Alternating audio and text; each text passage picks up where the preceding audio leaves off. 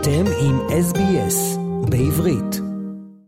שלום ניצה, שלום למאזינות ולמאזינים. השעון הפוליטי מתקתק, ומחר ביום שני נכנסת ישראל לעידן חדש. מליאת הכנסת אמורה לדון, אולי גם להצביע, על אחד מן המהלכים שישנו את פני הדמוקרטיה הישראלית. זה אמור להיות המהלך הראשון מתוך שורה של צעדים שבהם מבקשת ממשלת נתניהו המבוססת על תמיכת הימין הקיצוני והמפלגות החרדיות לשנות את כללי המשחק הדמוקרטיים. החוק הראשון שבו מדובר עוסק בהרכבת הוועדה לבחירת שופטים, שופטים בבית המשפט העליון וגם ביתר בתי המשפט כולל המחוזיים, בתי משפט השלום, הדנים בעניינים חמורים פחות. על פי הצעת החוק השנויה במחלוקת יהיה רוב מוחלט לנציגי הממשלה והקואליציה בבחירת השופטים. כך תוכל הממשלה להבטיח שרק אנשים המקובלים עליה יוכלו בסופו של דבר לשבת בבתי המשפט. ההיבט המשמעותי ביותר נוגע לבית המשפט העליון, במיוחד כאשר שופטי גוף זה דנים בנושאים המובאים בפניהם כבית דין גבוה לצדק. זו הדרך שבה מתבקש בית המשפט לבחון טענות של אזרחים כי הרשויות נוהגות באופן בלתי ראוי. בעבר פסל בית המשפט אם כי במספר מצומצם של מקרים גם חוקים של הממשלה כאשר נראה היה כי החוקים הללו לא היו סבירים או מנוגדים לעקרונות יסוד של הדמוקרטיה או כאשר מדובר היה במינויים בעייתיים של בעלי תפקידים בכירים. או הכרעות שיפוטיות וערכיות על צעדים שננקטו נגד אה, תושבי השטחים שנכבשו במלחמת ששת הימים. ממשלת נתניהו הנוכחית מבקשת כאמור למחוק למעשה את הסמכויות הללו כדי לתת לממשלה חופש החלטה בלא התערבות של בג"ץ. אם תאמץ הכנסת את השינויים הללו, יושלך אל הפח אחד הכלים החשובים ביותר בדמוקרטיה הישראלית.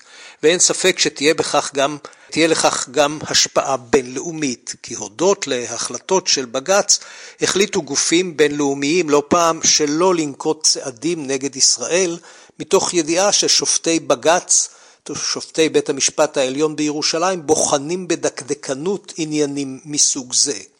עתה, ללא בג"ץ פעיל, תיעלם אחת מן האפשרויות של ישראל להגן על עצמה מפני גופים משפטיים בינלאומיים ובמדינות שונות. גם לבחירת השופטים באמצעות נבחרי הקואליציה בלבד תהיה משמעות רבה. נציגי הממשלה והקואליציה בוועדה לבחירת שופטים יוכלו לבחור אנשים המקורבים להם, והנבחרים הללו מן הסתם ירגישו חובה לסייע לבוחרים שלהם במשפטים שונים. ויש גם חשש כי הפוליטיקאים יבחרו את מקורביהם לשבת על כס המשפט אה, ולאו דווקא את המועמדים המנוסים והטובים ביותר. בכך עלולה להיות פגיעה חמורה נוספת באיכות המערכת המשפטית בישראל. ועוד לא הזכרנו את העובדה כי עניינו של ראש הממשלה בנימין נתניהו עומד עדיין לדין על קבלת אה, שוחד מרמה והפרת אמונים. המשפט הזה תלוי ועומד בבית המשפט בירושלים, ומשום כך ראוי היה אולי מבחינה ציבורית וממלכתית שימשוך את ידיו ממעורבות בהחלטות הנוגעות לבתי המשפט.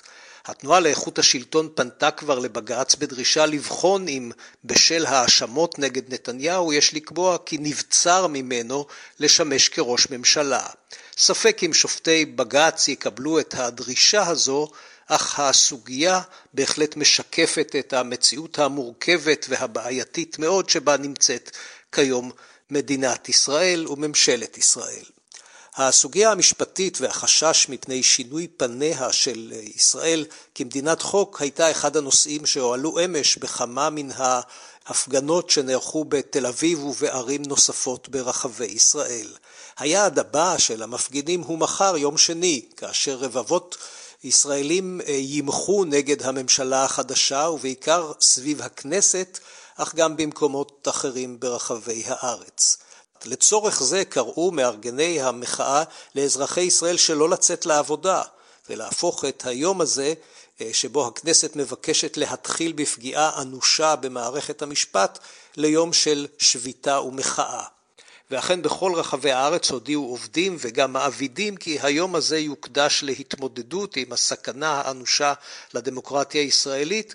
העיקר, היעד העיקרי הוא אה, כאמור סביב בניין הכנסת. מבחינה מעשית לנתניהו ושותפיו יש את הרוב הנדרש בכנסת כדי להעביר את החוקים השנויים במחלוקת.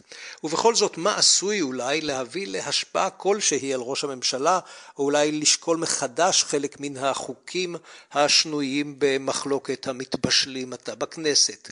אחד הגורמים הבודדים לכך שאולי ישפיע במידת מה הוא ההשפעות הכלכליות הנובעות מכך שיותר ויותר חברות ישראליות, בעיקר חברות הייטק, מעבירות אה, למדינות זרות חלק מכספיהן.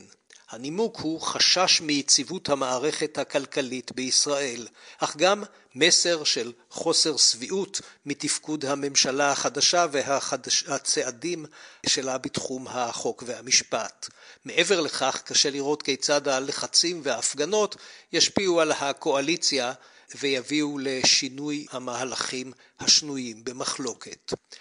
ובינתיים, למרבה הצער, אין גם שקט בתחום הביטחוני. ביום שישי נהרגו בירושלים שני ילדים בני שמונה ושש וצעיר בן שבעים בפיגוע דריסה.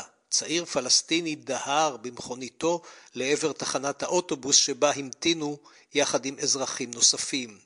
לפני אה, שבועיים נהרגו אה, שבעה ישראלים בפיגוע סמוך לבית כנסת בשכונת נווה יעקב בירושלים. ההערכה היא כי גם אה, ככל שיתקרב חודש הרמדאן רק תגבר המתיחות. השר לביטחון לאומי איתמר בן גביר מבטיח כי המשטרה תעשה הכל כדי להבטיח ביטחון בימי הרמדאן. אך קל יותר להבטיח מאשר לבצע זאת בעיקר כאשר מעשי השר עצמו ואמירותיו רק מעוררים רצון יתר להתקוממות מן הצד הפלסטיני. השורה האחרונה נמצא, אה, היא כזו, ישראל נמצאת עתה באחד המשברים החמורים ביותר בדברי ימי המדינה, כאשר המתיחות הפנימית בתוך הציבור הישראלי מגיעה לשיאים שלא הכרנו, אולי רק במחלוקות פנימיות בימי מלחמת אה, לבנון הראשונה. מעולם לא נמצאה הדמוקרטיה הישראלית בעימות מן הסוג הזה, כאשר צד אחד, הקואליציה, מבקש לשנות באופן מהותי מרכיבים משמעותיים של ההוויה הישראלית, בעיקר בתחום החוק והמשפט. כיצד תצא ישראל מן המחלוקת הזו? קשה מאוד להעריך. נקווה שלא ייגרמו נזקים רבים מדי למדינה ולערכיה. עד כאן רפי מן המשדר מירושלים לרדיו SBS בעברית. רוצים לשמוע עוד סיפורים? האזינו דרך ה Apple Podcast, Google Podcast, Spotify או בכל מקום אחר בו ניתן להאזין לפודקאסטים.